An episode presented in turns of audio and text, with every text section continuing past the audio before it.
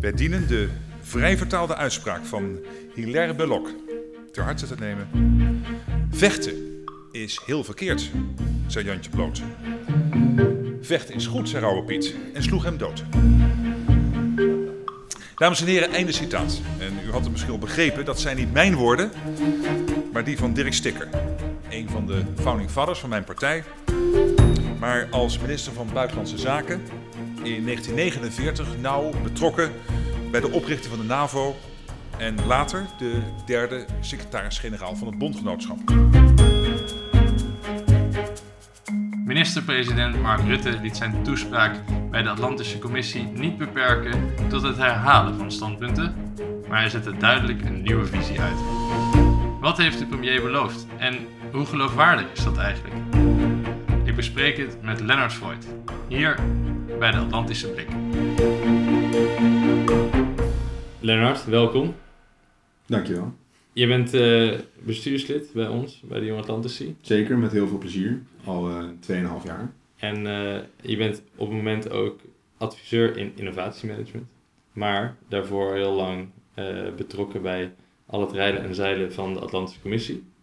En met je master in de geschiedenis van de internationale betrekkingen heb jij allerlei expertise waar je op je 28e al uit kunt putten om, om ons wat licht te laten schijnen over wat Rutte allemaal heeft verteld afgelopen week. Zeker, ja. Ik zit uh, vanuit mijn achtergrond, uh, mijn studieachtergrond en mijn achtergrond als bestuurslid hier en ook werknemer 2,5 jaar natuurlijk vrij diep in de transatlantische zaak. En daarom vond ik het ook mooi dat we aan het eind van mijn periode als werknemer hier uh, konden afsluiten met een speech van de premier. Want die is toch uiteindelijk degene die er het meest over te zeggen heeft ja. in dit land. En, ja, uh, en hij heeft er een hoop over gezegd. Want uh, de Volkskrant die kopte de dag erna met de volgende tekst. Rutte betrapt, hij heeft toch een visie. En dat is natuurlijk, als we het over Rutte hebben, nogal een flink statement. Want ja, dat, veel onderwerpen laat hij dat links liggen. Olifant die het zicht blokkeert. De oude bekende quote van Rutte werd natuurlijk weer uit de kast getrokken. En uh, die uh, lijkt inderdaad wel redelijk terecht. Want uit dit, die speech die hij heeft gegeven kwam toch wel een vrij sterk wereldbeeld uh, naar voren. Of hoe hij het graag zou zien. Dus, ja. Ja, want wat heeft hij eigenlijk allemaal gezegd? Wat, wat vindt hij dat Nederland moet doen op het internationale toneel? allereerst geeft hij dus heel duidelijk aan dat de internationale orde, zoals die is opgebouwd na de Tweede Wereldoorlog, met uh, onder andere natuurlijk de NAVO, waar het over ging, maar ook instituties als de VN, het IMF, eh, de Wereldbank en ook de EU, dat dat overduidelijk in het Nederlands voordeel is. En dat Nederland, als, zoals hij het noemt, een middelgrote macht, er baat bij heeft dat er, basis, dat er sprake is van een rechtsorde op internationaal niveau. Ja, ja, dat alles gaat zoals de bedoeling is en dat er geen onverwachte dingen gebeuren. Dat er afspraken zijn en dat iedereen zich daar dus ook aan houdt. Maar dat is oude koopmansretoriek, toch? Of uh, is er wel meer te ontdekken in zijn. Uh, nou ja, je, je, ziet wel dat hij verwijst zelf ook naar Hugo de Groot en naar oude denkers als Hilaire Belloc en zo. Dat um, het komt niet nergens vandaan, deze visie. Ja. Het is uh, ook heel erg sterk ingebed in de Nederlandse traditie zo. Ik bedoel, Hugo de Groot heeft in zijn Mare Liberum al geschreven over uh, het zeerecht. En eigenlijk is dat later ook de basis geworden van wat het internationaal recht is geworden. Ja. Uh, dat na de Tweede Wereldoorlog is het natuurlijk onder Amerikaans leiderschap uitgebouwd. met de transatlantische band als een van de pijlers onder dit systeem. Ja. Maar de laatste tijd, laatste aantal jaar, eigenlijk sinds 2014, maar misschien al sinds 2001 of 2003, uh, eh, zijn er toch wel twijfels gerezen bij de stabiliteit van het systeem. Ja. Ja. Um, nou ja, we kunnen wel eens even naar een stukje luisteren van wat, wat Rutte heeft, heeft verteld. En ik denk dus dat we het optreden van Donald Trump ook als een kans moeten zien om door te pakken en het internationale systeem te verbeteren en bij de tijd te brengen. Niet door de lidmaatschappen daarvan op te zeggen of verdragen zomaar op te zeggen. Niet door de oude schoenen weg te gooien voor we nu hebben. Maar door ons samen hard te maken voor een modernisering en daarmee een fundamentele verbetering van het hele systeem. En dat is ook mijn voortdurende oproep aan de Verenigde Staten. Met als belangrijkste argument dat het in ons, maar ook in hun belang is. Geredeneerd vanuit onze gezamenlijke waarden en onze gedeelde economische belangen, zeg ik hier heel simpel, ook daarover gaat die transatlantische samenwerking. Ja, want hier haalt Rutte heel erg aan dat ehm, we die transatlantische samenwerking ook ehm, moeten verbeteren en dat we daarin moeten investeren. Wat een soort van ehm, in deze uh, turbulente tijd eigenlijk wel een redelijke vaste hand is. Uh, maar wel eentje met een duidelijk, duidelijk verhaal. Zeker, maar het is ook, hij zegt dit omdat er in de afgelopen jaren twijfels zijn gerezen bij dit verhaal. Want het verhaal was eerst heel sterk, maar hij geeft het in het begin van zijn speech ook aan. De NAVO is een product van de Koude Oorlog. Ja. En eigenlijk onlosmakelijk verbonden met hoe de wereld toen verdeeld was. Nou, toen viel de Sovjet-Unie, toen is het twintig jaar lang uh, is het liberalisme of ja, de, de westerse orde is gezien als het model waar iedereen naar zou gaan leven. En dat is eigenlijk nu, zijn er twijfels bij gerezen. En dat uh, komt doordat er uitdagers voor het systeem nu zijn opgekomen. Wat eigenlijk niet was. Men verwachtte in die tijd dat China, dat groeide wel heel hard. Zeker aan het eind van de jaren 90. Maar die zouden op een gegeven moment op ons gaan lijken. Uh, ik bedoel, er zijn ook heel veel commentatoren die dit uh, ontkend hebben hoor. Zoals Huntington en zo. Die zagen toch ook wel problemen. Maar onder andere Fukuyama, die Rutte ook nog aanhaalt, die, die gaven aan. Waarschijnlijk is het liberalisme het einddoel. Ja. Uh, en wordt dat het systeem.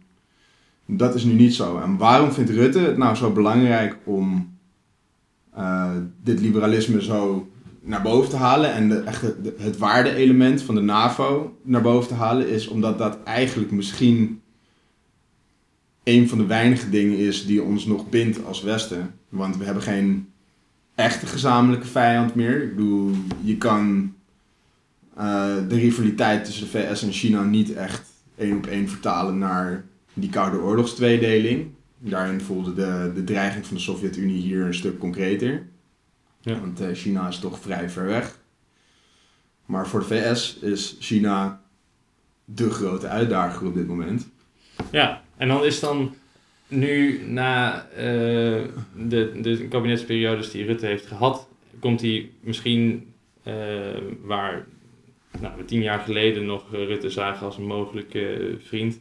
Uh, en de Krim hebben beleefd en ook China zien ontwikkelen, komt hij nu misschien dan tot een conclusie dat hoe, hoe bizar de dingen zijn die ook onder Trump in de VS gebeuren, uh, het zal hem aan zijn reet roesten. Het is toch uiteindelijk de belangrijkste bondgenoot van Nederland. Ja, en niet alleen is het de belangrijkste bondgenoot. Ik bedoel, dat, je zou kunnen betogen dat uh, Europese landen dat zijn. Want als je op de kaart kijkt, Nederland ligt toch in Europa. Uh, Er ligt een oceaan tussen, of dat nou een slagboom is of een uh, verbindingsweg. Dat is een tweede.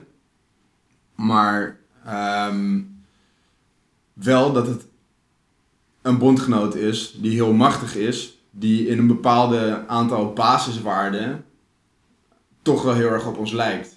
Er, wordt nu heel over veel over gediscussieerd of dat zo is, maar in principe zie je dat de VS is een democratie, er is een rechtsstaat. Ja, we hebben veel handelsbelangen die we met ze delen. We delen veel handelsbelangen met elkaar. We staan uh, open handel, uh, open zeeroutes, en uh, een kapitalistisch systeem staan we voor met z'n allen. Ja. Ja, en, en, toch, en toch zegt Rutte in zijn speech allerlei dingen waarmee hij ook uh, de kritiek van Trump bijvoorbeeld erkent. Um, de defensiespecialist Kokolijn, die merkt het ook op. En ik heb hier... en hij noemt ook... Ehm, het punt dat Rutte in zijn speech een wit voetje probeert te halen bij, bij Trump. Um, maar vraagt zich wel af of dat nou geniaal is of een beetje dommig. Wat denk jij ervan?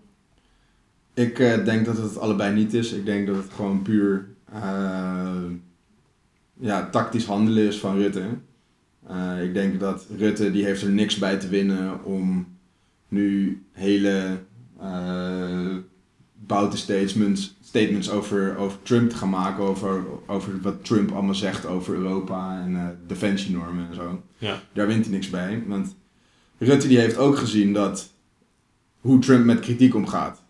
Ja. Uh, uiteindelijk is de beste manier om met Trump te onderhandelen of uh, als gesprekspartner van Trump om hem ook een beetje naar de mond te praten af en toe. Je ziet dat niet alleen Rutte dat deed bijvoorbeeld, maar ook eh, Jean-Claude Juncker deed dat toen hij daar langs was.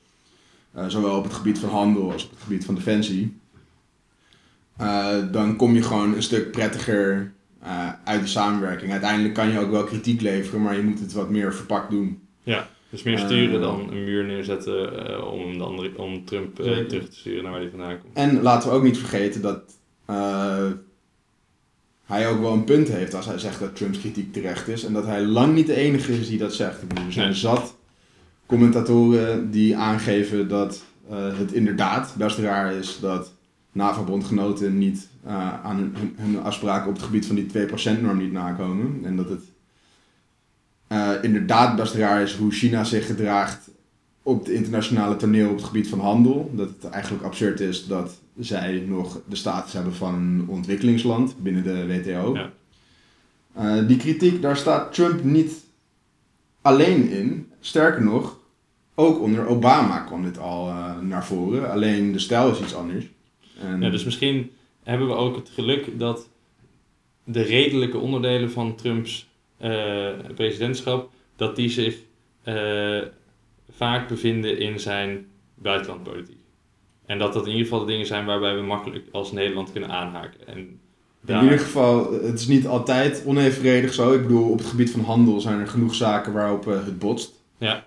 nu met die nieuwe sancties, die Airbus-zaak, is duidelijk dat dat is niet per se goed voor ons. Ik bedoel, onze kaasboeren lijden ook onder die sancties. Ja. Of onder die importheffingen. Maar als het op China aankomt, of als het aankomt op uh, de internationale veiligheidssituatie, dan uh, delen wij toch wel vrij veel belangen.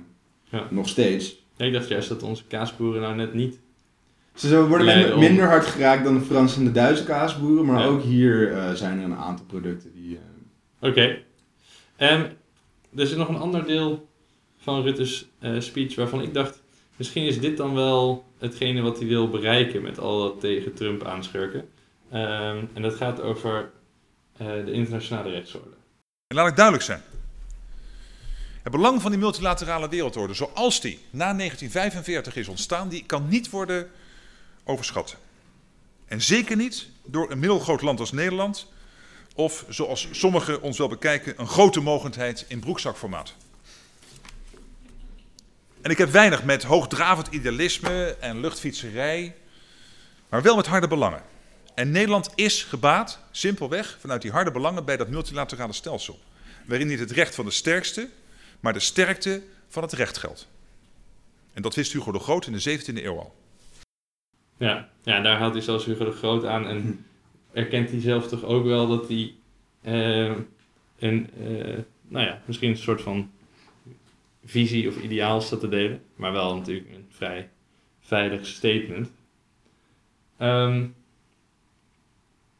ja, maar dit willen we dan. En dit, wordt hij, eh, dit noemt hij als uh, iets wat hij wil bereiken. Um, en tegelijkertijd zijn de concrete bijdragen die Nederland daar dan aan levert uh, niet echt zichtbaar. Ja, in, in die zin niet dat uh, als hij aangeeft dat, dat hij internationale afspraken belangrijk vindt, dan is het inderdaad een beetje apart, op zijn minst gezegd, om zelf niet al die afspraken te voldoen. Maar het neemt niet weg dat Nederland toch gewoon vrij uh, proactieve rol inneemt op het wereldtoneel, ook binnen de EU. ze, doen, ze doen mee aan vrijwel alle missies. Of ons defensieapparaat daar ook op ingericht is, dat is de tweede vraag. Maar Nederland neemt op zich wel verantwoordelijkheid. Alleen als je zo'n hoog opgeeft over het nemen van verantwoordelijkheid, dan is het toch goed om dat dan ook zelf uit te stralen. En de manier waarop je dat doet is uh, je afspraken nakomen. Dat is hier ook, maar, als je een voorbeeldfunctie wil hebben, dan is het belangrijk dat jij je aan de regels houdt.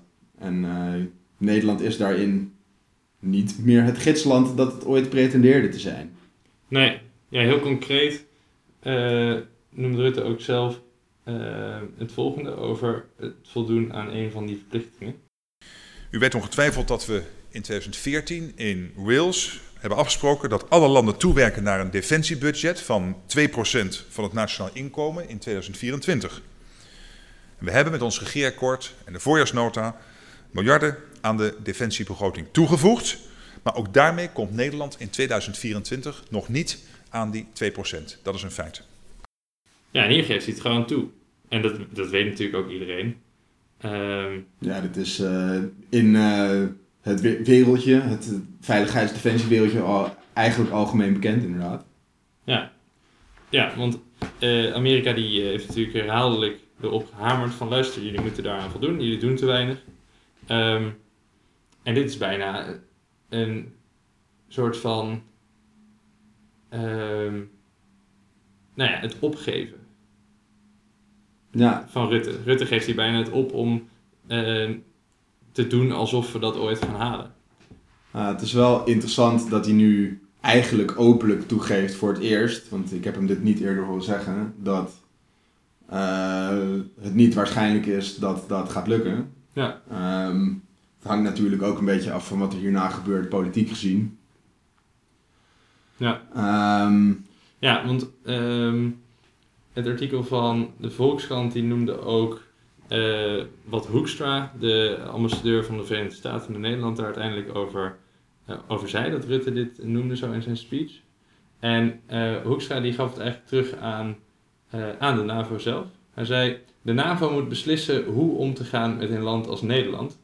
Dat heeft besloten niet aan zijn verplichtingen te voldoen. Dus Hoekstra, die de afgelopen jaren, of het afgelopen jaar vooral, vaak gezien is als uh, aanspoorder uh, van extra investeringen in de Nederlandse defensie en extra acties van de Nederlandse defensie. Die zegt hier eigenlijk ook: nou ja, als jullie ermee kappen, dan gooi ik ook de handdoek in erin.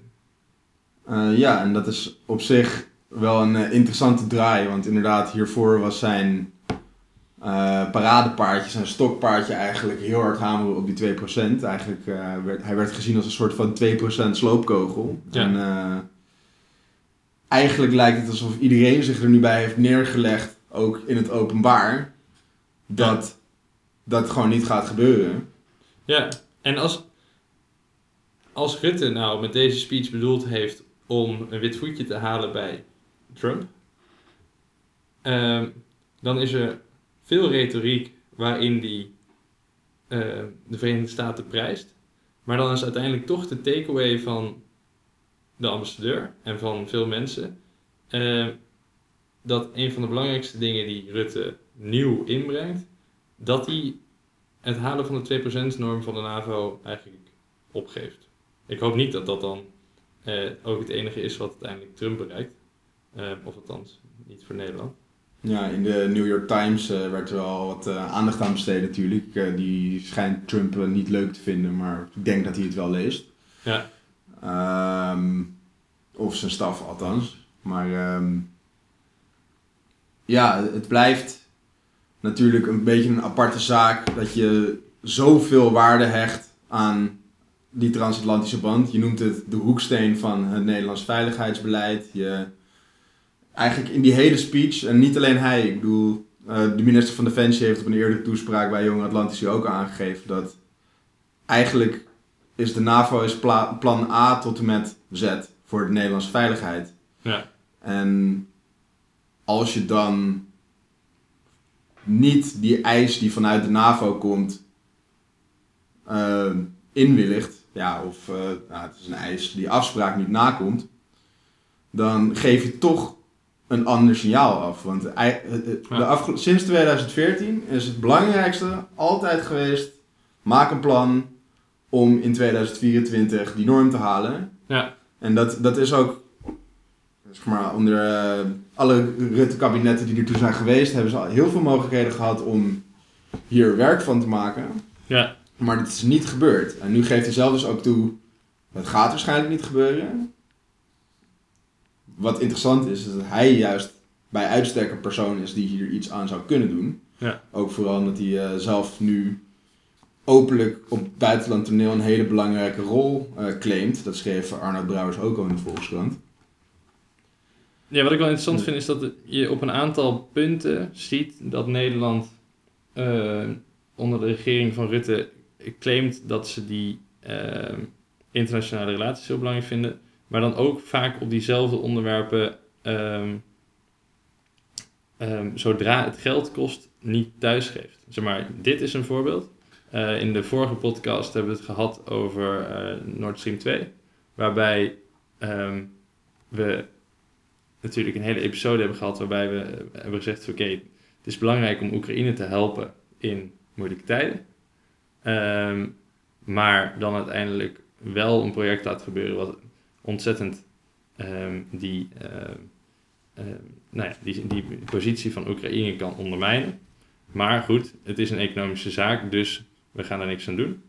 Um, en Dezelfde strategie past hij overigens ook toe op de transatlantische relatie. Hè? Dus maar, hij zegt, oké, dit doen we niet, maar economisch gezien investeren wij heel veel in de VS en is de samenwerking heel sterk. Ja. uh, Hans de Boer zat geloof ik ook bij die bijeenkomst, die stelde er nog een vraag over. Uh, dus die proberen die transatlantische band ook vooral het economische in te trekken. Terwijl de, de basis, maar de enige geïnstitutionaliseerde band die er is, transatlantisch, is die veiligheidsrelatie. Ja. Um, ja, en dan is het toch vervelend dat je een voorwaarde die in hetzelfde contract staat als dat contract, wat je veiligheid waarborgt, het Noord-Atlantische Verdrag, um, dat je die dan niet nakomt. Want dat is toch spelen met vuur. Want uh, zeker gezien uh, nou ja, de abruptheid waarmee bijvoorbeeld nu in Syrië uh, de Verenigde Staten zijn aanwezigheid heeft teruggetrokken. en ehm, toch de, de onvoorspelbaarheid waarmee Trump ook zijn beleid uitvoert. Nou ja, kan dat toch in mijn optiek misschien wel een gevaarlijkere situatie opleveren dan dat misschien geanticipeerd is. Ja, en hier zie je dus ook het gevaar van proberen overal een economische benadering uh, toe te nemen, tot te nemen. Zeker als je spreekt van een waardegemeenschap en dergelijke. Als je dan niet die waarde ook naleeft in het geval van Oekraïne, uh, wat je laat vallen omdat een lucratief en financieel aantrekkelijk project voorrang krijgt eigenlijk. En als je in NAVO-verband wein te weinig aan je defensie wil uitgeven, zodat die afspraak die er gemaakt is minder hard wordt, dan zie je dat dat op de lange termijn dat dat heftige effecten kan hebben voor onze samenleving en ook wellicht voor onze economie. Want uiteindelijk, een goede economie is ook afhankelijk van de stabiliteit van jouw samenleving. Ja. Uh, Kronenberg die zei het gisteren misschien al wel goed, dat eigenlijk het belangrijkste voor de NAVO is dat er geen enkele twijfel bestaat over die veiligheidsgaranties. Dus dat artikel 5, het, uh, de, de clausule die niet aanval, of de, de aanval op één is een aanval op alle, waarborgt, dat daar geen enkele twijfel over bestaat. En door dit soort acties, door bijvoorbeeld niet de 2% na te komen, maar ook bijvoorbeeld door niet, ja. uh, als er een verzoek komt, uh, mee te helpen in Syrië met grondtroepen, ja. uh, dat soort zaken, wordt deze afspraak ook minder hard. Ja. Want ja, want de scheidend ambassadeur die gisteren een toespraak hield bij de Atlantische Commissie, die noemde inderdaad ook het voorbeeld, er moet geen twijfel zijn tussen de waarde van bijvoorbeeld een stad als Chicago of een stad als Berlijn voor het Noord-Atlantisch Verdrag. En daarmee bedoelde hij te zeggen van oké, de Amerikanen moeten zich net zo betrokken voelen bij de veiligheid van Berlijn als bij een stad als Chicago. En ja, goed, de vraag is of we dat nu op een duurzame manier hebben ingericht. Ik denk niet. En als Trump een uh, partner of bondgenoot, ik weet niet of je de Koerden echt, een, het is in ieder geval geen geïnstitutionaliseerde bondgenoot, maar ze zijn in de strijd tegen IS zeker een bondgenoot geweest. Als je die heel hard laat vallen op deze manier. Ja. Uh, onder andere ook omdat jouw Europese partners die verantwoordelijkheid die ze daar hebben voor. Want het, is, het zijn onze buren, hè? laten we daar even duidelijk over zijn.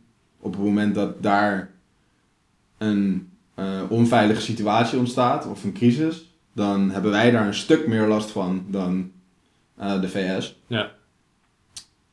Je ziet dat, ja, dat gevoel, dat, dat is er bij de Amerikanen gewoon niet echt. En ik bedoel, Rutte die had het in zijn speech ook over, uh, die haalde nog een quote van Sticker aan waarin hij aangaf dat hij de Atlantische Oceaan niet zag als een slagboom, maar als een verbindingsweg.